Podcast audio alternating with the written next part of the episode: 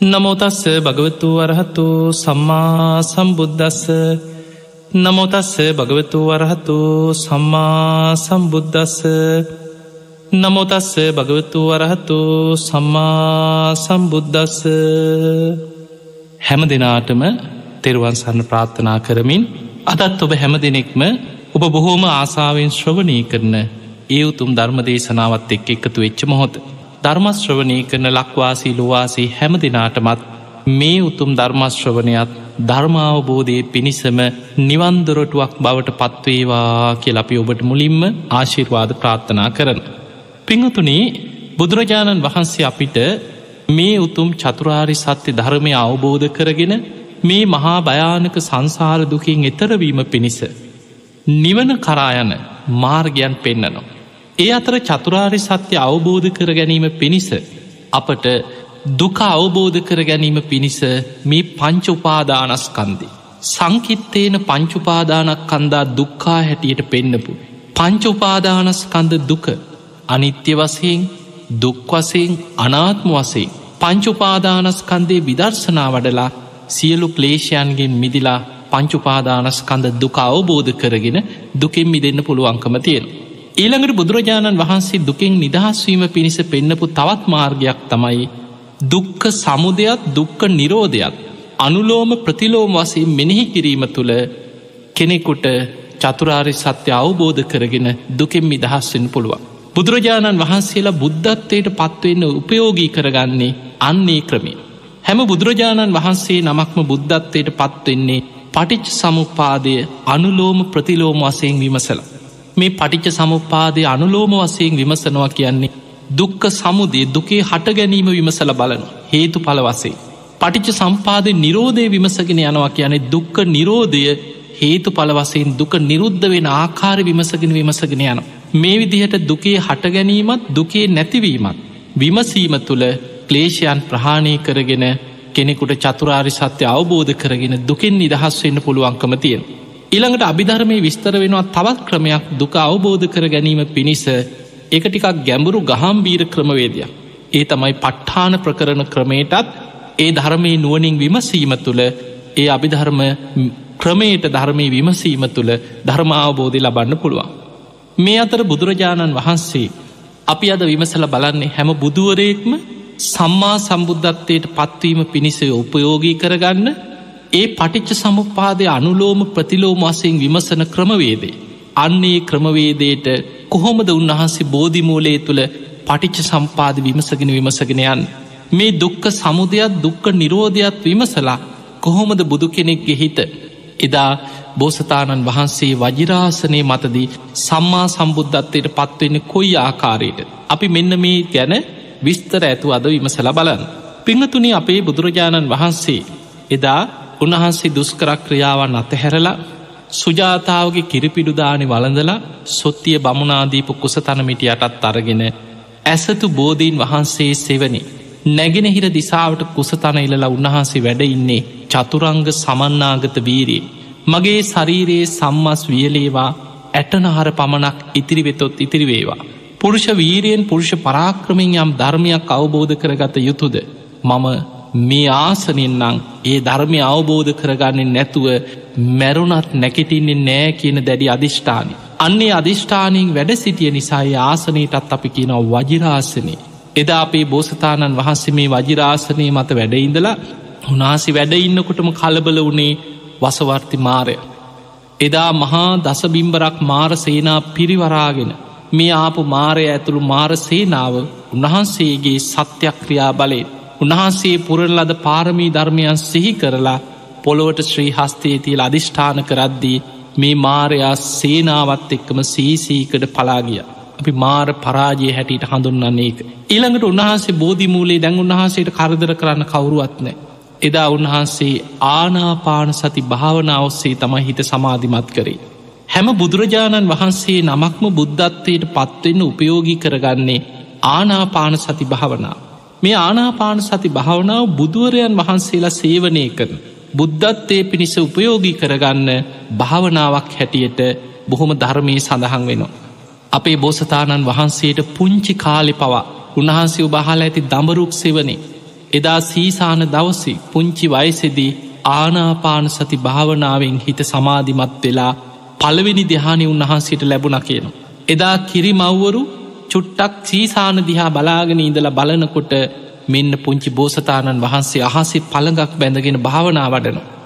මේක දැනගත්ත සුද්දෝදන රජතුමා සීසාන දවසි වප්මගුල් උත්සවේ දවසේ දුවගෙ නැවිල්ල බිම වැතිරිලා සාධකාරදිදී වන්දනා කරා එදා බෝසතාණන් වහන්සේට දෙවනි වතාවට තමන්ගේ පියාණන් වන්දනා කරපු දවස තමයි එදා සීසාන දවසේ. එතකොට අපිට පේන අපේ බෝසතාණන් වහන්සේගේ මේ සංසාර පුරුද්ධට පුංචි කාලි පවා ආනාපාන සති භාවනාවෙන් හිත සමාධිමත් වෙලා තියෙන. එදා බෝධිමූලයේදී උන්වහන්සේ හුස්මරැල්ලට හිතියොමු කරලා ආනාපාන සති භාවනාවස්සේ තමයි හිත සමාධිමත් කරගන්න. ආනාපාන සති භාවනාවස්සේ හිත සමාධිමත් වනාට පස්සේ පළවෙනි දිහානයට දෙවනි දිහානයට තුන්වෙනි දිහානයට හතරවෙනි දිහානය දක්වා හිත සමාධිමත් වනා. රාත්‍රී පළවෙනියාම වෙනකොට උන්වහන්සේගේ හිත හතරවෙනි දිහානයෙන් හොඳටම සමාධිමත් වෙලා. ඉතා පිරිසිදු ඒකාග්‍රතාවයක් ඇති මේ හතරවෙනි දිහානය තුළ ඉඳ උන්වහන්සේ විමසන්න පටන්ගත්තා තමන් වහන්සේ ගත කරගෙනාපු සංසාර ජීවිත දකින්න හිත යොමු කරා පමණයි. බෝධිමූලේදී උන්වහන්සේට පළවෙනි විද්‍යාව පළවෙනි අවබෝධඥානය පහළ වෙන. ඒ තමයි පුබ්බේ නිවාසානුස්සති ඥාන. මෙන්න මේ පුබ්බේ නිවාසානුස්සති ඥානය බුදුවරයකුට පහළවෙන පුබ්බේ නිවාසානුස්සති ඥානයක්. ශ්‍රාවකයන් වහන්සේලාට පිහිටන පුබ්බේ නිවාසානුස්සති ඥානයනුත් අතර විශාල වෙන සක්තියෙන. ඒකට හේතුව ශ්‍රාවකයන් වහන්සේලා අපි දකිනවා ත්‍රිවිද්‍යා ඇති මහරහත්තන් වහන්සේලා ඉන්නවා. ත්‍රිවිද්‍යා කියලා කියන ආසවක්කේ ඥානි කෙලෙසුන්ගෙන් ප්‍රහාණය වනා කියෙන අවබෝධය. ඊළඟට පුබ්බේ නිවාසානුස්සති පෙරජීවිත දකින නුවන චුතූපපාත ඥානි කෙනෙක් මැරුණට පස්සේ කර්මාණරූපය උපත කරායන නුවන මෙන්න මේ ඥානයන් තුනම ඇතුව අරහත්වයට පත්වෙච්ච මහරහත්තන් වහන්සේලාව ධර්මය හඳුන්නන්නේ ත්‍රිවිද්‍යා ඇති මහරහත්තන් වහන්සේලා. හැබැයි මේ පුබ්බේ නිවාසානුස්සති ඥානය ඇති මහරහත්තන් වහන්සේලා අතර සමහරුන්ට ආත්ම සීයක් ආපස්සට බලන්න පුළුව. සමහරුන්ට ආත්ම ලක්ෂයක් විතර ආපස්සට බලන්න සමහරු කල්පයක් ආපස්සට බලනු. එක්කො කල්ප කීපයක් කල්ප සීයක් කල්ප දාහ මේ වගේ ඒ ඒ ශ්‍රාවකයන්ගේ පුබ්බේ නිවාසානුස්සති ඥානි සීමාවල් පවතිනු. උන්වහන්සේලාගේ පුුණ්‍ය ශක්තිය උන්වහන්සේලාගේ චිත්ත ඒකාගෘතාවේ පෙර සංසාරය පුරුදු කරපුයේ පුුණ්‍ය මහිමයත් එක්ක ශ්‍රාවකයන් වහන්සේලාගේ පුබ්බේ නිවාසානුස්සති ඥානයේ සීමාවල් පවතිනු. හැබැයි බුදුරජාණන් වහන්සේ නමක් බෝධිමූලේදී දා උන්වහන්සේට වැටහෙන ඒ පුබ්බේ නිවාසානුස්සති ඥානයේ සීමාවක් නෑ. අනන්ත අප්‍රමාණ කල්ප ගණනින් සංවට්ට විවට්ට කල්ප ගණනින් උන්වහන්සේට ආපස්සට බලාගෙන බලාගෙන බලාගෙන යන්න පුළුවන් තමන් වහන්සේ කල්ප සිය දහස් ගානකට පෙර කොහිද හිටි. මොන විදිී උපතක්ද ලැබුයි. අසංකේය ගණනකට පෙර පෙර මොනවගේ නමකින් කොයි ගමක කොයි පලාතක මොනවගේ ජීවිතයක්ද ලබල ඉපදුනේ. ඒ ජීවිතයේ කොහොමද මේ විදිහට පෙර ආත්ම හිතූ සැනින් සංවට්ට විවට්ට කල්ප ගණන් අනන්ත කල්ප ගණන් ආපස්සට විමසා බැලීමේ නුවන බුදුවරයන් වහන්සේලාට පිහිටන්. ඒ බුදුවරයන් වහන්සේලාගේ පුබ්බේ නිවාසානුස්සති ඥානය සමවෙන්නේ තවත් ලෝතුරා බුදුරජාණන් වහන්සේ නමකගේ පුබ්බේ නිවාසානුස්සති ඥානයත් සමඟ පමණයි. එදා අපේ බෝසතාණන් වහන්සේ රාත්‍රී පලවෙනියාමේ ඔන්න ඔය නුවන පුබ්බේ නිවාසානුස්සති ඥානය ඇති කරගත් ඒ තමයි පළවෙනි විද්‍යාව. මේ තුළින් උන්වහන්සේට කල්ප ගනං ආපස්සට සංසාරි ගෙවාගෙනාපු ජීවිත සතරාපායි වැටි වැටි ආපමී භයානක සංසාර ගමන ගැන උන්වහන්සේට සසර ගමන ගැන බියක් ඉප දෙන්න පටන්ගත්තා මේ සංසාර ගමන මොනතරම් භයානක සසර ගමන. ඉළඟට උන්වහන්සේ රාත්‍රී දෙවනියාමි හොඳට දියුණු කරගත්ත සමාධිමත් හිතක් තුළ ඉඳං ආනාපාන සති භාවනාවෙන් ඉහලට වැඩිච්ච මේ සමාධිය තුළ ඉඳලා විමසවා මම වගේමද මේ ලෝක අනික් සත්‍යය. අන්න එතනදි උන්වහන්සේ තමන්ගේ සසර ජීවිතයේ දැකලා ලෝකෙ අනික් සත්වයන්ගේ සංසාර ජීවිතත් තමන් වහන්සේ වගේම සතරාපායි වැටි වැටි දුක්විඳ විඳ යන සංසාර ජීවිතද කියලා ලෝක සත්‍යයන් ගැන විමසනවා. අන්න එතකොට රාත්‍රී දෙවනියාමේ උන්වහන්සේට දෙවනි අවබෝධඥානයේ දෙවනි විද්‍යාව පහළ වෙනවා. ඒ තමයි චුතූප පාතඥාන. චුත කියන්නේ ඒ ඒ සත්වයන් ඒ ඒ සත්ව ලෝකවලින් චුත වෙනවා. මරණේ ධර්මය විස්තර කරන්න මේ විදියට චුති චවනතා බේදෝ අන්තරදහනං මච්චු මරණං කාලකිරියා කන්දහනම් බේදෝ කලේබරස්ස නික්ලේබෝ ජීවිත ඉන්ද්‍රියත්ස උපච්චේදෝ අයං උච්චති භික්කවේ මරණං. තන මරණය විස්තර කරන්නේ අපි මේ. ඒ ඒ සත්තු ලෝකවලින් සමහරු චුත්ත වෙන අපිට එක පාට චුත වෙනවා කියපුගා මතක් වෙන්නේ දෙවියන්. දිව්‍යාත්මෙන් චුත වෙනවා. ප්‍රේතයම් ප්‍රේතාත්මෙන් චුත වෙලායන් එතකොට ඒ ඒ සත්‍යයන් ඒ සත්ව ලෝකලින් චුතවීමක් ඇද්ද? බෙහෙදු බිඳියාමක් ඇද ඊළඟට අතුරු දහං වීමක් ඇදේ සත්ව ලෝකෝලින් ඊළඟට ජීවිත ඉන්ද්‍රියෙන් බැහැරවීමක් ඇද්ද? ඊළඟට ආයතනයන්ගෙන් බැහැරවීමක් ඇද මේ හැම වච්චනකින්ම පිසාමාන්‍ය ලෝක කියන්නේ මැරුණා කියනවා මලා කියනවා අභාව ප්‍රාප්තුනා කියනවා. ඔය ඔක්කොම කියන්නේ මැරෙනවා කියන එතකොට මොන වචනයෙන් කිව්වත් ඒ මරණ ඒතකට බුදුරජාණන් වහන්සේ ඒ චුතවීමත් සමගම ඒ ඒ සත්‍යයන් ඒ ඒ සත්වලෝකවලින් චුතවීමත් සමගම කර්මාණුරූපය උපත කරා යන ආකාරය දකින නුවනයි උන්වහන්සේට බෝධිමූලය ඇතිවෙන්. අන්නේ නුවනින් උන්වහන්සේ දකින්න පටන්ගත්තා මේ ලෝකෙ ඉන්න සත්‍යයන් උපත කරායන ආකාරි. උන්වහන්සේ දකිනවා සමහරු දිවිය ලෝකින් චුත වෙලා නිරේට වැටෙනවා. සමහරු දිවිය ලෝකින් චුත වෙලා දෙවිවරු තිරිසං අපායවල්ල උපදින් සමහරු මනුලොවටේනවා. සමහරු නිරෙන් චුත වෙනයි ආයායමත් නිරේ උපදීපදියනු. සමහරු තිරිසල් ලෝකෙටේනවා. ප්‍රේතාත්ම භාව ලබනු. මනුස්සලෝකි ගත කරලා සමහරු නිරේට ඇදිලෑනු. තිරිසල් ලෝකෙ උපදින. මේ සංසාරික සත්‍යයාගේ සතර අපායට වැටි වැටි යන ගමන් උන්වහන්සේට වැටහෙන්නේ හරියට මහාගෙදර කරගත්ත ගමනක් සතරාපාය හරියට ඔබ හිතන්න ඔබේ ජීවිතය තුළ ඔබ රස්සාාවක් කරන කෙනෙක් නව රස්සාාවට යනු හැබැයි හිත තියෙන්නේ ගෙදර වැඩෑරෙන්නේ කීයටද? ඉවර වෙච්ච ගමන් ඉක්මනට තියෙන බස්සේ කාරි එල්ලිලා. කොහොම හරි ඉක්මනට ගෙදර එනකං ඉවසුමක් නෑ ඊළඟට කඩේකට ගියත් බඩු ටිකක් ගත්ත ගමන් එන්න ගෙදර. නෑදෑ ගෙදරක ගියත් දවසක්කිනි දෙකක්කිනි ගෙදර තමයි තමන්ට හරිය සමහරු කියනවා කොහේ ගියත් ඉතින් ගෙදර තරන්නේ එතකොට ඒ හිත පුරුදු වෙලා තියන්නේ තමන් ජීවත් සමාට පුංචි පැල්පත වෙන්න පුළුව තමන්ගේ තමන්ගේ පැල්පත තමන්ට දිවිය ලෝකයක් වගේ කියන.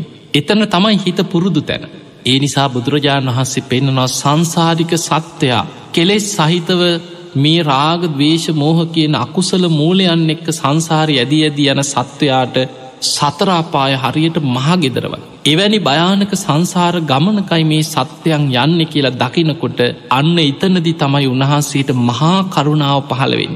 බෝසතාණන් වහන්සේ නමකට පුබ්බේ නිවාසානුස්සතිඥානෙන් තමන්ගේ සංසාර ජීවිත දැකලා චුතූප පාතඥානයෙන් මම වගේමද මේ ලෝක අනික් සත්‍යයොත් කියලා විමසලා. මේ සෑම සත්වයෙක්ම සතරාපායි වැටි වැටි යන භයානක සසර ගමනකයි යන්නේ කියලා දකිනකොට එතනදි තමයි උන්වහන්සේට මහා කරුණාවක් පහළවෙන්.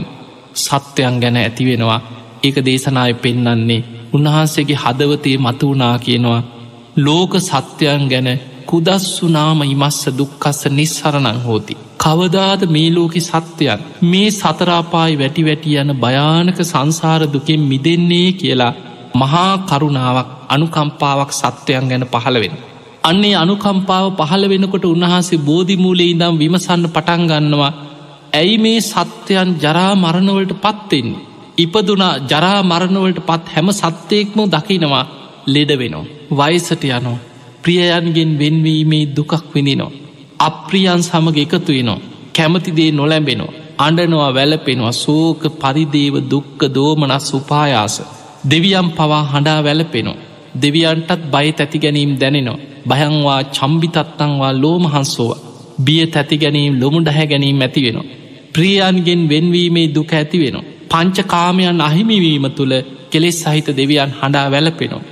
මනුස්සයන්ටත් එහෙමයි සතරාපාය අන්ත දුකක් මේ සත්‍යයන්ගේ මේ ජරා මරණවලට දුක මොකක්ද මේකට හේතු ඔන්න උන්වහන්සේ පටිච සම්පාති විමසන්න පටන්ගන්න තැන. එතන ඉදං උන්වහන්සේ හේතුව හොයනවා. මොකක්ද මේ ජරාමරණවලට හේතුව. ඇයි මේ ජරාමරණ හටගන්න. මේ ජරාමරණ කවුරුත් ඇති කෙරෙව්වනෙමේ කවුරුත් ඉපැද්දෙව්වනෙමේ මේක ඉබේ හටගත්ත දෙයක්ද කාගෙහරි කැමැත්තකට වෙච්ච දෙයක්ද මොකද්ද මේකට හේතුව කියලා බෝධිමූලයේදී උන්වහන්සේගේ නුවනින් විමසගෙන විමසගෙන යනවා. එහෙම විමසගෙන යනකොට ඔන්න උන්වහන්සේට කවබෝධයක් ඇතිවෙනවා ජාති පච්චයා ජරා මරණ අන්න ඇතිවෙච්ච පළවෙනි අවබෝධඥානයේ පටිච්ච සම්පාධී තුළ කොටසෙන් කොටස අවබෝධයන් හැටියට උන්වහන්සේට පහළ වෙන. ජාතිපච්චයා ජරා මරණ ඉපදීම නිසයි ජරාමරණ ඇතිවෙන්. අන්න උන්වහන්සේ හේතුව හොයාගන්නවා. ඉපදීමමයි හේතුව. ඉපදීමමයි ජරාමරණවලට හේතුව. උන්වහන්සේ විමසනවා දැන් එතන ඉදං ඇයි මේ සත්‍යයන් උපදින්නේ. අන්න උන්වහන්සේට වැටහෙනවා බිත්තර ඇතුළෙන් උපදිනවා. තෙත් පරිසරයවල් ඇසුරු කරගෙන සත්‍යයන් උපදින. ඕපපාතිකව පහළවෙන. මවකුසෙන් උපදිනවා. මේ ක්‍රම හතරෙන් තමයි සත්‍යයන් උපදින්නේ. අපි කියන අන්ඩජ ජලාභජ සංසේජජ ඕපපාතික. මේ ක්‍රම හතරින් තමයි සත්‍යයන් උපදින්. මේ මොන ක්‍රමේට ඉපදුනත් ලෙඩ වෙනවා වයිසට යනවා ජරාවට පත්වෙනවා. දැන් ඔබ හිතන්න දෙවිවරු දෙවියන්ට දෙවියන්ගේ ජරාමරණ තියෙනවා. එක බුදුරජාණන් වහසේ පෙන්න්න පුබ්බ නිමිත්ත කියල සූත්‍රික පෙන්නුනම් මහනෙන දෙවියන්ගේ දිවි ආවිස අවසන්වේගෙන යනකොට දිවිය ශරීරවලින් දහඩිය වැගිරීන්න පටන්ගන්න. දෙවියන්ගේ සලුපිළි ඔක්කෝම කිලුටු වෙලා යන. දිවිය මල්මාලා පරවෙන්න පටන්ගන්න. දිවිය විමානවල සිත් තලවන්නේ නැතුව යනවා. දෙවියන්ගේ ලස්සනට තිබ්බ රැස් විහිදෙන ආලෝක පහළවෙන දිවිය ශරීර දුරුවරණ වෙලා අව පැහැවෙලා යන. එතකොට මේ ලක්ෂණ පහළ වෙනවා කියන්නේ දෙවියන්ගේ ජරාවට පත්වීම. එතකොට අනිත් දෙවරු දැනගන්නවා දැම්මයාගේ පින අවසන්. දැම්මයා චුතවෙන්නයි යන්නේ. ඒ දෙවරු ඔහුන් අනිත් අයට උපදෙස් දෙනවකින ඔබ දැන්වත් සුගතිය කාර හිත පිහිට වන දැන් දිවිය ලෝක ඉන්න කාලයක් නෑ ඒ පිනගෙවිල් අවසන් වෙනවා. එතකොට දෙවරු කියන ඔබ මනුස්ස ලෝකට හරියන ඉතෝ බොහෝ සුගතින් ගච්ච ඔබ දැන් සුගතියටයන් සුගතියට ගිහිලා උතුන් ලාබේ ලබාගන්න උතුන් ලාබේ ලබාගෙන ඒක තුළ ස්ථාවර වෙන්න කිය එ මනුස්ස ලෝකට ගිල්ල දැන්වත් තිසරණය පිහිටගන්න ඔබ ඒක තුළ ස්ථාවර වෙලා ආයමත් දෙවියන් අතරට එන්න කියලා මඟ පෙන්න්නනවා එතකොට අපිට පේනවා අපි සැපයි කියලා හිතාගෙන ඉන්න දිවිය ලෝකෙ පහළ වනත් එතනත් ජරාමරණ තියෙනවා. ඒ නිසා කොහේ ඉපදුනත් ඉපදුනානල් ලැබෙන දායාදේ තමයි ජාතිපච්චයා ජරාමරණ සෝක පරිදේව දුක්ක දෝමනස් උපායාස. අන්න උන්වහන්සේට බෝධිමූලේදී වැටහෙනවා ජරාමරණ සෝක පරිදේව දුක්දොම් නස් සියල්ලට හේතුව ඉපදීම මයි. දැන් උන්වහන්සේ එතන ඉදං විමසන්න පටන්ගන්නවා බෝධිමූලේදී ඉපදීමට හේතුව මොකක්ද. දැන් ඕක හොයාගන්න බැරි සමහරු කියන්න ගත්තා මේක දෙවියෙක් මහා බල සම්පන්න දෙවියෙක් ඉන්න. ඒ දෙවියන් තමයි මේ සියලු දෙෙන උපද්දලති නෝක තමයි ලෝකෙ තිබ්බ එක මතයක් දෙවියන් ඉපැද්දෙව්වා. සමාර්ගන දෙවියන්ගේ කැමැත්තට ඉපදුනි. හැබැයි අපේ බෝසතාණන් වහන්සේ බෝධිමූලේද විමසන්න පටන් ගත්තා ඇයි මේ සත්‍යයන් උපදින්නේ. කවුරුත්තු පද්දවනවාද. කවුරුත් ඉපැද්දෙව්වත් මේක ඉබේ හටගත්තද. කොහොමද උපදින්න කියලා ඉපදීමට හේතුව නුවනින් විමසගෙන විමසගෙන යනකොට අන්න බෝධිමූලේ උන්වහන්සේට අවබෝධඥානයක් පහළ වෙනවා බව පච්චයා ජාත් අන්න උන්වහන්සේට ඊළඟට වැටහිච්ච වැටහීම. භවය නිසයි උපදින්. අන්න භවයමයි ඉපදීමට හේතුව. පිංහතුනි බව තුනක් උන්වහන්සේට වැටහුණා. ඒ තමයි කාම බව රූපී බව අරූප බව. කාම භවය නිසා කාම ලෝකෙ උපදිනවා. රූපලෝක විපාක පිණිස කර්ම සකස් වෙනකොට රූපී ලෝකයක උපදිනවා. අරූපලෝක විපාක පිණිස කර්ම සකස් වෙලානං අරූපලෝකය උපදින.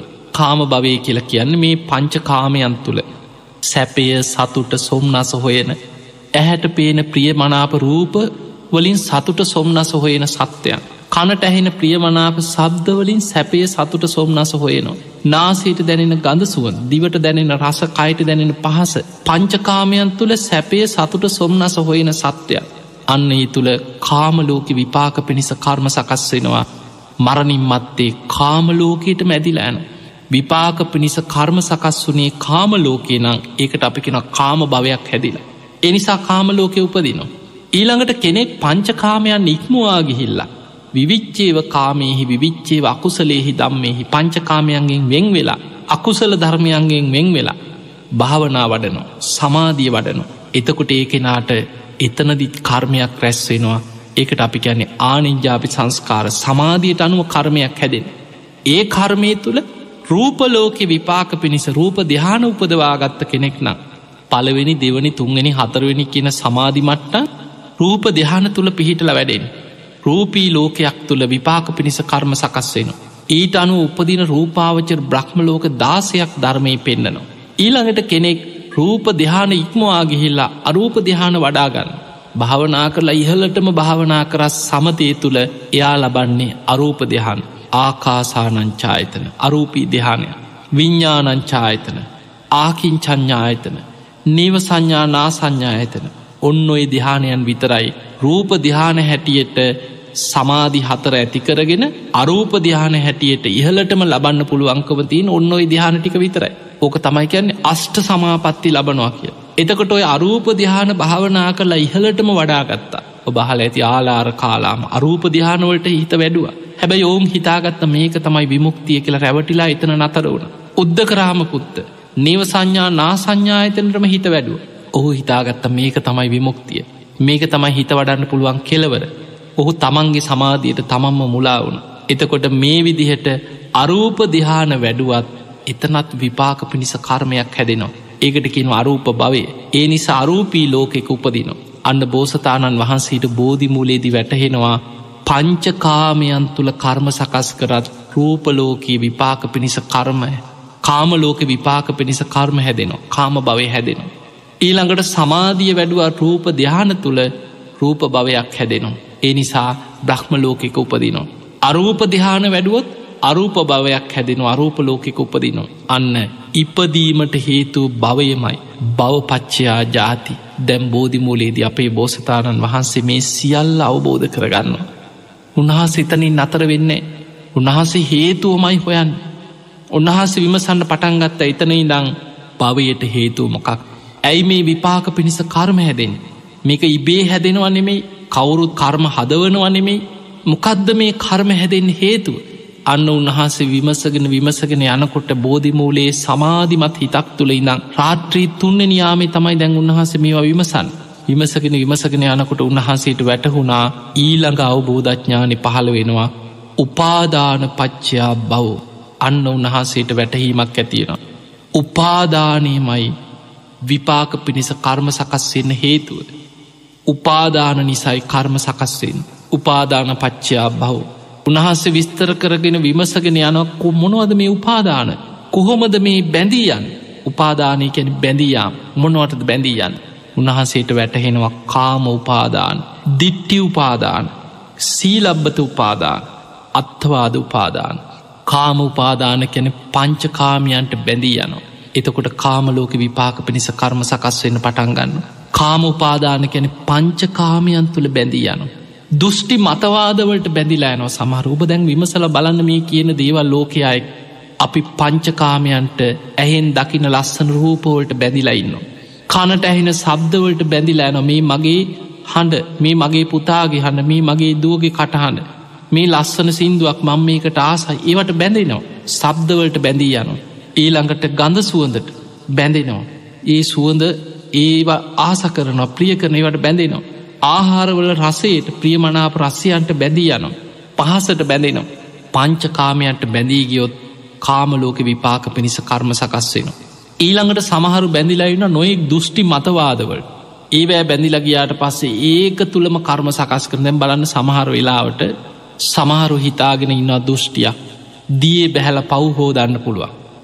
එහෙම දෘෂ්ටිවලට බැඳිලගයාට පස්සේ සීතල ජලයේ බැහැලා වෙවුල වෙවුල පව්හෝදන මිනිස්සු ඉන්න. සමහරු හිතනවා ගිනි තැපලා කෙලෙස් පුච්චගන්න පුළුවන් කියල්. ඒ අය ගිනි ගොඩුවල් ගහගෙන ඒ දුක විඳිනවා. ඒ වගේ නිගන්ට ඉන්න ඇඳුම් අතහැරල මහා සීතලි හිමාල වනාන්තරවල ගිනි ගොඩුවල් ගහගෙන ඇගේ අලු තවරගෙන ඔවුන් දෘෂ්ටියක් ඒක ඒක විමුක්තිය පිණිස කියලා යම් යම් දෘෂ්ටි මතවාදවලට බැඳිලෑන් ඒ වගේ සමහරු එක ඒක දෘෂ්ටිවලට බැඳිලෑන්න පුළුව එතකොට ඒ වගේ එක ඒක විශ්වාස එක ඒක මතවාද එක ඒක දෘෂ්ටිවලට බැඳිලෑන් සමහරු ඉතන හූුණ දෘෂ්ටියකට බැඳෙනවා. හූුණ කෑගැහුව මෙන්න මෙහෙම වෙනවා. හූන මෙතැන්ට වැටුනොත් මෙහෙම වෙන බෙල්ලට වැටනොත් මෙහෙම ඔලුට වැටනොත් මෙහෙමයි. දෘෂ්ටි. ඒ දෘෂ්ටියට බැඳිලගයාට පස්සේ ඒක විශ්වාස කරගෙන ඒක තුළ බයින් ජීවත්තේ එතකොට යම් යම් වෙලාවල් ගැන හිතනවා. යම් යම් වෙලාවල් ගැන හිතනවා. මේක හොඳ නැති වෙලා. මේ වෙලාවටකරොත් මේ වගේ හානිය. එතකොට ඒ වගේ දෘෂ්ටියකට බැඳිලගයාට පස්සි කෙනෙ. ඒ දෘෂ්ටිය තුළ එල්බගෙන ඊළඟටික බැඳියාම දිට්ටි උපාදාන කරගන්න.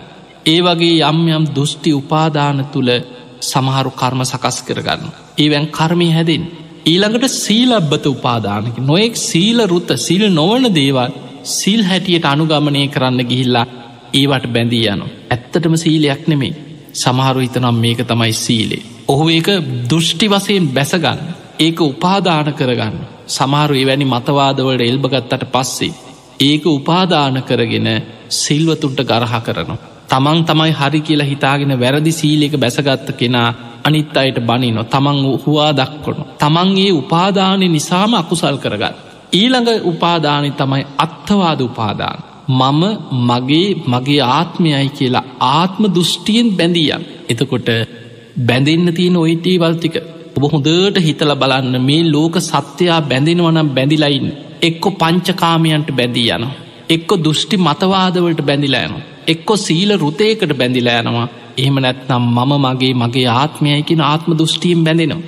ඒ අස්මිමානය හැටියට සක්කායිදිට්ටිය හැටියට මමත්තයෙන් බැඳී යන. ඔන්න ඔය දේවල් ටිකට විතරයි බැඳන්න තියෙන්. එතකොට මේ උපාදාන ඇති වුණා නං ඔන්න බලන්න උන්වහන්සේ දැන් අවබෝධ කරගත්ත ටික.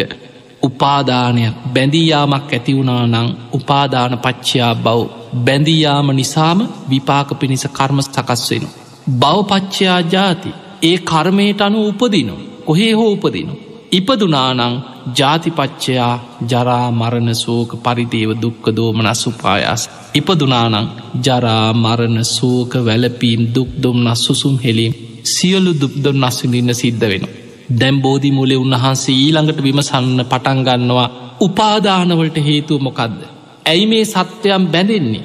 මේක ඉබේ ඇති වෙනවන මේ කවුරුත් බන්ධගන්නවනෙමේ ඇයි මේ සත්‍යයම් බැඳී යන්න? මොකක්ද හේතුව කියලා බැඳීයාමට හේතුව විමසගෙන විමසගෙන විමසගෙන යනකොට වජිරාසනී මතදී බෝසතාණන් වහන්සිට ඊළඟට වැටහීම ඇති වෙනවා තන්හා පච්චයා උපාදාන. තන්හාාව නිසයි බැඳීයන් එතකොට කිසිම දෙයක් නිසානමි බැඳෙන් බැඳෙන්න. එකම හේතුව තන්හාාව තන්හාාවමයි හේතුව. තන්හාාව නිසයි කාමයන්ට බැඳිලෑන් තන්හාාව නිසයි දෘෂ්ටි මතවාදවලට බැඳිලෑන් තන්හාාව නිසයි සීල රුතවලට බැඳිලෑන් තන්හාාව නිසයි මම මගේ මගේ ආත්මයයි කියන අත්වාද උපාදානයට බැඳෙන් තන්හාාවමයි හේතු. තන්හා පච්චා උපාදාන උපාදාන පච්චා බහු බෞපච්චයා ජාති ජාතිපච්චයා ජරා මරණ සෝක පරිදේව දුක්ක දෝමනස් උපායාස. දැන් උන්වහන්සේ තන්හාාව ගැන විමසගෙන යනු. ඇයි මේ තන්හාාවක් ඇතිවෙන්න. උන්හස එතනින් විමසගෙන ගියා සත්වයාට තන්හාාව ඇති වුණේ කොහොමද. මේක ඉබේ ඇති වෙනවනෙමේ කවුරුත් ඇතිකරුණු අනෙමෙයි ඇයි මේ තන්හාාවක් ඇති වුණේ කියලා තන්හාාවට හේතු හොයාගෙන හොයාගෙන හොයාගෙන යනකොට අන්න උන්වහන්සේට වැටහීමක් ඇතිවෙනවා වේදනා පච්චයා තන්හා විඳීමක් නිසයි තන්හාාව ඇතිවෙන් විඳීමමයි හේතුව විඳීම ඇහේ ස්පර්සය නිසා ඇතිවෙනවා සැපදුක්කු පේක්ෂා විඳී කනේ ස්පර්සයෙන් ඇතිවෙනවා සැපදුක්කු පේක්ෂා විඳී නාසේ ස්පර්සය නිසා ඇතිවෙනවා සැපදුක්කු පේක්ෂා විඳී දිවේ ස්පර්සය නිසා ඇතිවෙනවා සැපවිඳීන් දුක්විදීන් දුක් සැප රහිත විඳී. කය ස්පර්සිං උපදිනවා සැපදුක්කු පේක්ෂාවිඳී. මනසේ ස්පර්සිං ඇතිනවා සැපදුක්කු පේක්ෂාවිනී. ඔබ බලන්න ඔබට යම් විඳීමක් ඇති වුණාන. ඔබට සතුටක් ඔබට දුකක් දුක් සැප රහිත කියන මේ ත්‍රිවිධ විඳීමට හේතුව ඒ විඳීම නිසාමයි තන්හා උපදින්. විඳීමත් එක්කම හිත අභ්‍යන්තරයේ තියෙන ක්ලේෂ ධර්මයන් මතු වෙලා තන්හා ඇති කරනු. සැපවිඳීමත් එක්ක රාගානුසේ මතුවෙන් එකට ඇලෙනවා. දුක්විඳීමත් එක්ක සැප නැතිවීම තුළ දුකත් එක්ක ගැටෙනවා. ඒක තමයි ක්ලේෂ ධර්මයන්ගි සභහක්. දුක්විඳීමත් එක්ක ඇතිවෙන්නේ තන්හාාවෙන් බැඳෙනවන මේ දුකත් එක්ක ගැටෙනවා. තන්හාාව නිසාම දුකත් එක්ක පටිගානුසේ මතුවෙනවා. ඉළඟට දුක් සැප රහිත විඳීමත් එක්ක මතුවෙන්නෙත් කෙලෙස් ඒ තුළ ඇතිවෙන්නේ අවිද්‍යානුසේ. මේ විදියට හිත අභ්‍යන්තරයේ තියන්න කෙලෙස් විඳීමත් එක්ක එකතු වෙවී එකතු වෙවී තන්හා උපද්දනවා.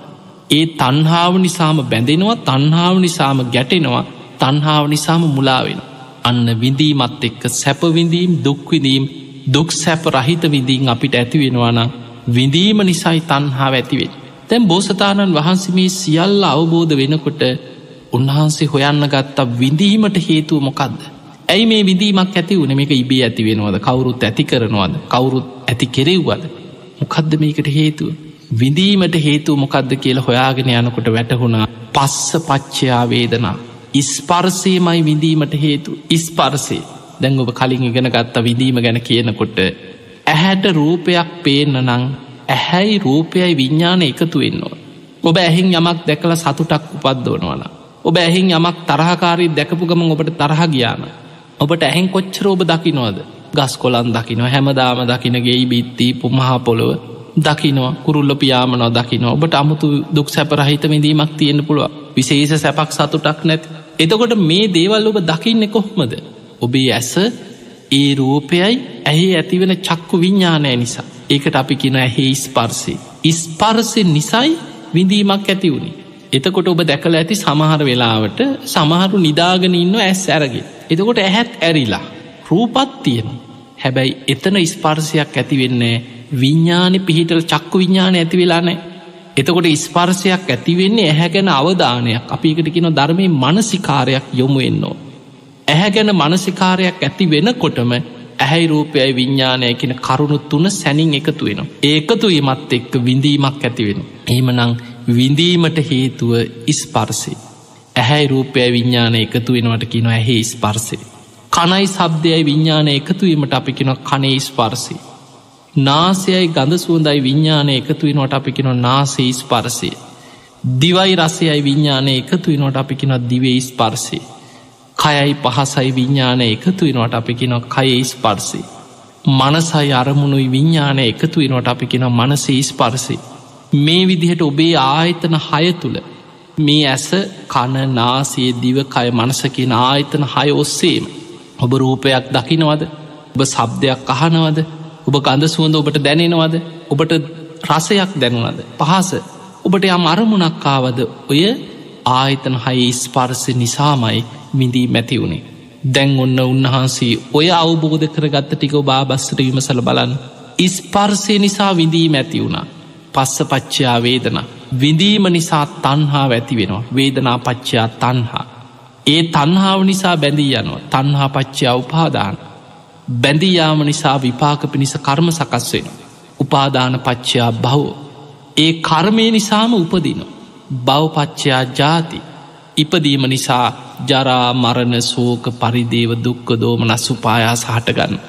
දැම්මී පටිච්ච සමුපාදේ අනුලෝම වසයෙන් බෝධිමුලේදී උන්වහන්සේට අවබෝධ වෙන විදිහ. බුද්ධත්වයට පත්වෙන් ඔය විදිහයට පටිච සම්පාද විමසගෙන ගිහිල්ල. උන්වහන්සේ විමසන්න පටන්ගත්ත දැන් ඉස්පර්සය ඇතිවෙන්නේ කොහොමද. ඉස්පර්සයට හේතුවමොකක්ද. මේ ස්පර්සිබේ ඇතිවෙනවා නෙමේ කවුරුත් ඇතිකරෝනවා නෙමේ ඉස්පර්සයට හේතුව මොකක්ද කියලා සමාධිමත් හිතක් තුළ ඉඳං උන්වහන්සේගේ නුවන යොමු කරගෙන විමසකෙන විමසගෙන යනකොට ඊළඟ අවබෝධය ඇති වෙනවා සලාහිතන පච්චයා පස්සෝ ආයතන හය නිසයි ඉස්පර්සය ඇස්ති වුණේ ඇස කන නාසය දිවකය මනස ආයතන හයක් නිසා ඇහැක් තිබ්බ නිසා තමයි ඇහැයි රූපයයි විඤ්ඥාන එකතුවෙන්. කන ක්‍රියාත්මක ස්භාවින් නැත්නම්. කනට සබ්දයක් ඇහෙන්නේ කනයි සබ්දය විඤ්ඥාන එකතු වෙන්නේ. නාසය ක්‍රියාත්මක ස්භාවෙන් තිබුණොත් තමයි නාසයයි ගඳ සුවඳයි විඤ්ඥාන එකතුවෙන් නාසේ ස්පර්ශය ඇතිවෙන්. දිවට රසයක් දැනෙන්න නං දිව ක්‍රියාත්මක ස්භාවෙන් තියෙන් නෝ දැඟ ඔබ දැකල ඇති සමහරු මුක පිළිකා හැදිච්චයින්. එක්කෝ දිව කපලා මූනෙ හමයින් කරලා උගුරු දණ්ඩ ලගින් යන්තන් හිලක් හදල කෑමටික දානවා. ඒ අයට රසයක් දැනෙන්නේ. මොකදේ රස දැනගන්න දිවේ ස්භාවේ නැති වෙලා.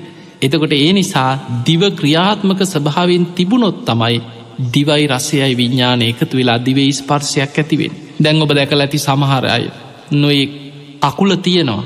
හැබැයි ඒ කකුලට කිසිම වේදනාවත් දැනන්න ස්පර්ශයක් ඇති වෙන්න. එක්කෝ ඒ කකුලේ ස්නාව මැරිලවෙන්න පුළුවන් සමහරයින්න සුසුම්නාව යම් කිසි හානියක් වෙලා. බෙල්ලෙන් පහළ මොනුවත් දැනෙන්නෙමනේ තුවාලයක් තියෙනවා එක්ක තුවාලෙක් කුණුවෙනවා පේදනාවත් දැනෙන්නේ සමහරලාවට කකුලේ නොයෙක් ඒ වගේ අසනී පැතිවෙන් එතකොට අපිට පේනවා කයයි පහසයි විඤ්ඥානය එකතු වෙලා. කයේ විඳීමත් දැනෙන්න නම් එතන කය ක්‍රියාත්මක ස්වභාවෙන් පවතින්න මෝනේ ඒ නිසා ආයතන හයක් යම් තැනක ඇද්ද? ඇස කණනාසේ දිවකය මනස ක්‍රියාත්මක ස්වභාවෙන් පවතිනවා.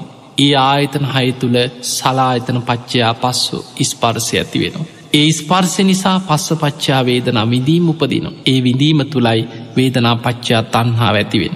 ඊළඟට උන්වහන්සේ බෝධිමූලේදි දැන් විමසනවා ආයතන හයක් ඇතිවෙන්නේ කොහොමද. අන්න ආයමත් විමසගෙන යනොමේ ආයතන හය. කොහේ ඉපදුනත් ඔබ බලන්න බිත්තරයක් ඇතුළෙන් ඉපදුනත් කුරුළු පැටියදිහා හොටක් තියෙනවා. ඇස් දෙකක් තියෙනවා. කනක් තියෙන කන් දෙකක් තියෙනවා. නාසය ගඳ සුවද දැනෙනවා දිවට රසයක් දැනෙනවා. එතට කයක් තියනවා අරමුණක් තියෙන දැම් බල්ලෙක් ගැන හිතන් ඇස කණ නාසේ දිවකය මනස සුරූප වෙනස් වෙන්න පුළුව හැබැයි ඒ උපදින හැම සත්වයෙක් තුළම තෙත් පරිසරයෙන් ඉපදුනත් ඕප පාතික ඉපදුනත් දිවියලෝකෙ පහළ වනත් කොහේ පහළ වනත් ඒ තමන්ගේ ශරීරයේ හැඩයට අනුව ඇස කණනාසේ දිවකය මනස හෝ එකින් ආයතනවලින් කීපයක් හෝ පිහිට එතකොට දැ සමහරු ඉන්න පුළුව මනුස්සලෝක මැස් දෙක උපතිම්මනෑ රූප පේෙන්නෙම නෑ සමහරු ඉන්න උපතිම්ම කං ඇහෙන්නෙම නෑ හැබැයි ඉතුරු ආයතන ක්‍රියාත්මක වෙනවා. එතකොට ඒ වගේ සමහර ආයතන හයම හෝ කීපයක් හෝ පිහිටන. ඒ ආයතන හය නිසා විඳීම් ඇතිවෙන. බෝධිමූලේදී උන්වහස විමසනවා ආයතන හයක් කටගත්තෙක් කොහොමද විමසගෙන විමසගෙන යනකොට උන්හන්සේට ආයමත් අවබෝධයක් ඇති වුණා නාමරූප පච්චයා සලායතන. නාමරූප ධර්ම නිසා ආයතන හය පහළවෙන්. ඔන්න ඔත්තන ඔබ හොඳට තේරුම් ගන්න. දැන් අපේ ඇස මස්වලින් හැදිච්ච ඇහැ තමයි අපිට පේන්නේ.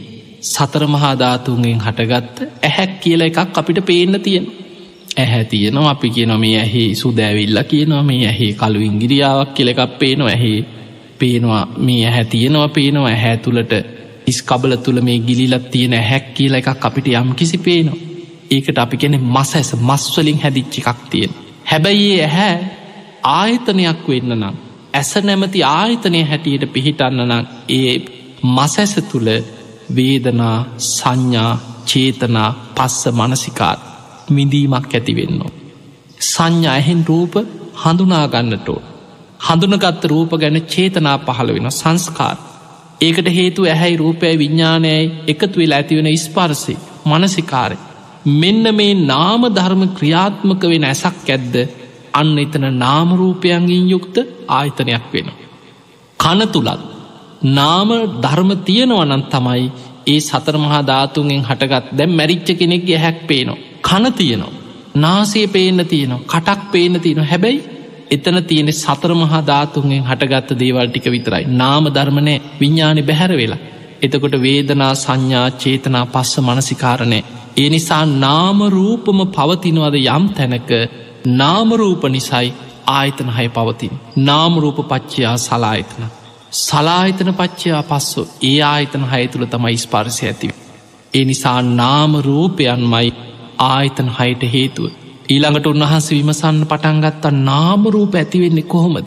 මේ නාමරූප හටගන්නේ කොහොමද. අන්න හේතු හොයාගන්නවා විඤ්ඥාන පච්චයා නාමරූපක් විඤ්ඥානයක් බැස ගැනීම තුළයි නාමරූප සකස්වෙන්. පිංහතුනි අටුවාව එක තැනක විස්තර වෙනවා මේ විඤ්ඥාන සතරමහා ධාතු හොයාගෙන උපත් හොයාගෙන සැරි සරන්න තමන්ට ශරීරයක් හදාගන්න පුළුවන් විදිහට කර්මාන් රූපී උපතක් හොයාගෙන විඤ්ඥාන සැරි සරන්නේ අහසිං මහා වර්සාාවකදී වැහිබින්දු වැටෙනෝ වගේ.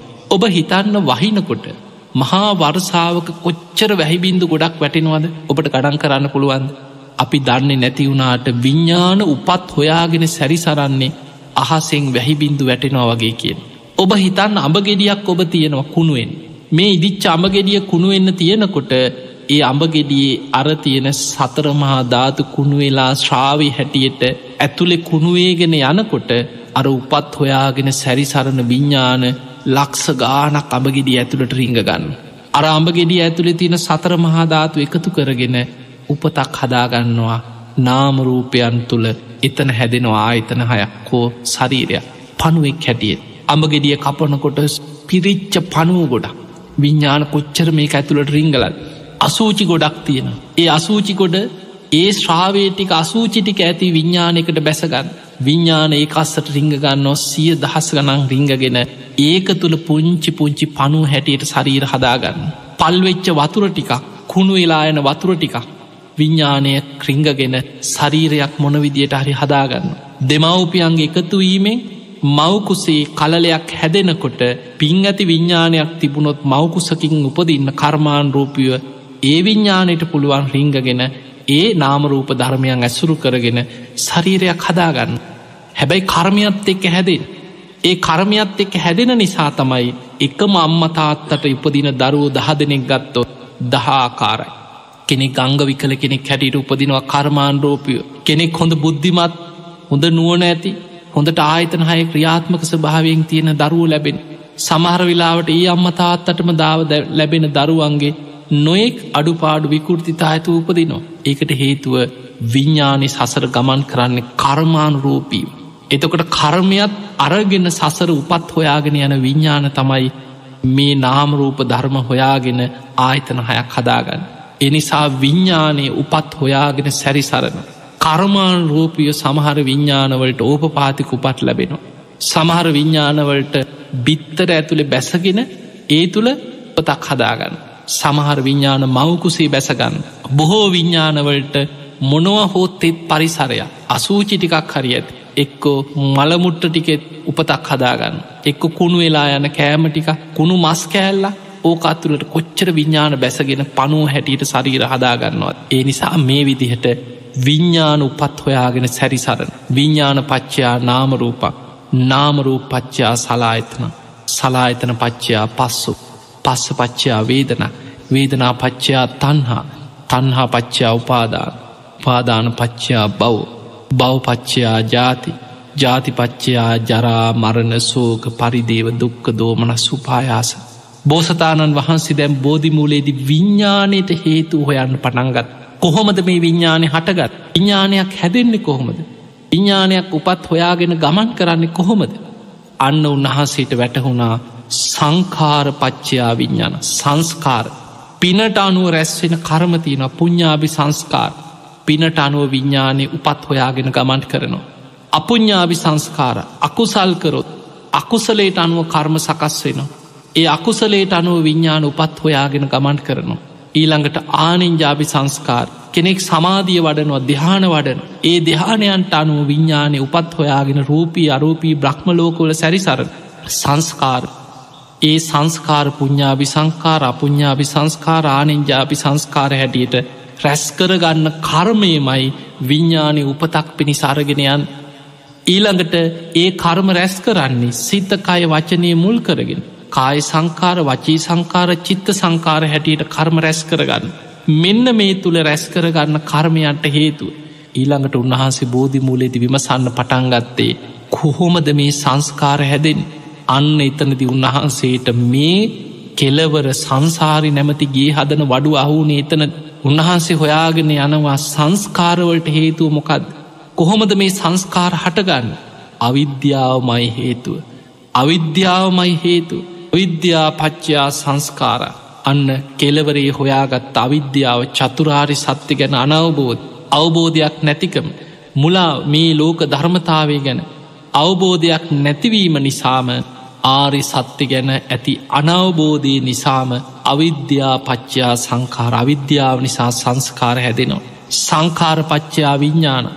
ඒ සංස්කාර නිසා කර්මාණරූපය විඤ්ඥානයක් සකස් වෙනවා. විඤ්ඥාන පච්චා නාමරූපන් ඒ විඤ්ඥානය නිසා නාමරූප ධර්ම හැදිලා නාමරූප පච්චා සලායත ආයතන හයක් පහළ වෙනවා. කොහේ හෝ ආයතන හයක් උපතක් හැදෙනවා. ආයතන හය හැදුනනං සලායතන පච්චයා පස්සු ඒ ආයතන හය නිසා ඉස්පර්සය ඇතිවෙන පස්ස පච්චයා වේදන ස්පර්ස නිසා විඳීම් ඇතිවෙන. වේදනා පච්චයා තන්හයි විදීම නිසා තන්හා උපදිනෝ. තන්හාාව නිසා තන්හා පච්චා උපාදානම් බැඳී යනවා. බැඳී ගියාට පස්සේ උපාදාන පච්චයා බහු විපාක පිණිස කර්ම ඇදෙනවා. ඒ කර්මය නිසා ආයමත් මොකද වෙන්නේ උපදිනෝ බවපච්චයා ජාති කොහේ හෝ උපදිනෝ. ඒ කොහේ ඉපදුනත් ජරා මරණ සූක පරිදේව දුක්ක දෝමනස් උපායාස උන්වහන්සේ හොයාගත්ත සංසාරි නැමති ගේ හදන වඩුව අවිද්‍යාවමයි කියලා හොයාගත් පිංහතුනි ඔය විදිහට විමසගෙන යෑම තමයි දුක්ක සමුදයාරි සත්‍ය අවබෝධ කර ගැනීම. දුකේ හට ගැනීම අවබෝධ වුණ ඊළඟට උන්වහන්සේ ඔය ක්‍රමේටම ජරා මරණවල ඉදං ආයමත් අවිද්‍යාව දක්වා විමසවා ජරාමරණ නැතිවෙන්නෙක්කුමක් නැතිවීමෙන්ද. ඉපදීම නැත්නං ජාති නිරෝධා ජරාමරණ නිරෝධු. ඊළඟට උන්වහන්සේ විමසවා ඉපදීම නැතිවෙන්නේ කුමක් නැතිවීමෙන්ද. බව නිරෝධා ජාති නිරෝධ විපාක පිණිස කර්ම නැත්නං ඉපදීමක් නෑ. ඊළඟට විමසගෙන ගියා විපාක පිණිස කර්ම නැතිවෙන්නේ කුමක් නැතිවීමෙන්ද. උපාදාන නිරෝධා බව නිරෝධ. බැඳීයාමක් නැත්නම් විපාක පිණිස කර්ම හැදෙන්න්නෙත් නෑ. ඊළඟට විමසවා උපාදාන නැතිවෙන්නේ කුමක් නැතිවීමෙන්ද.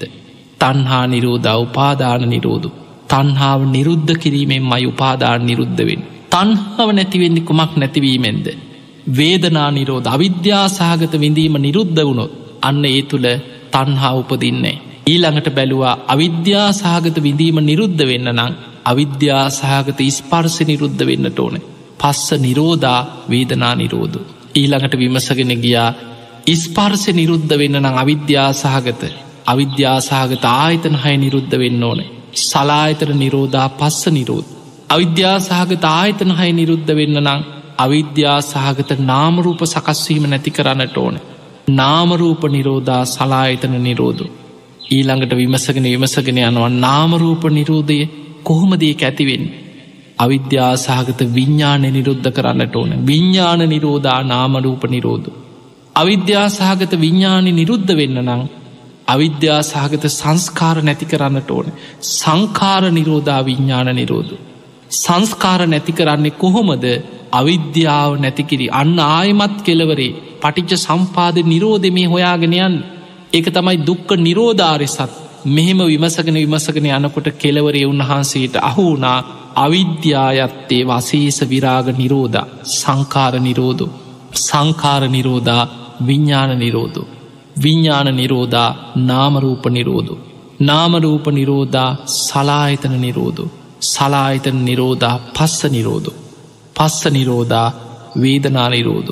වේදනා නිරෝධා තන්හා නිරෝධ. තන්හා නිරෝධා උපාදාන නිරෝධ. උපාදාන නිරෝධා භව නිරෝධ. බව නිරෝධා ජාති නිරෝධ.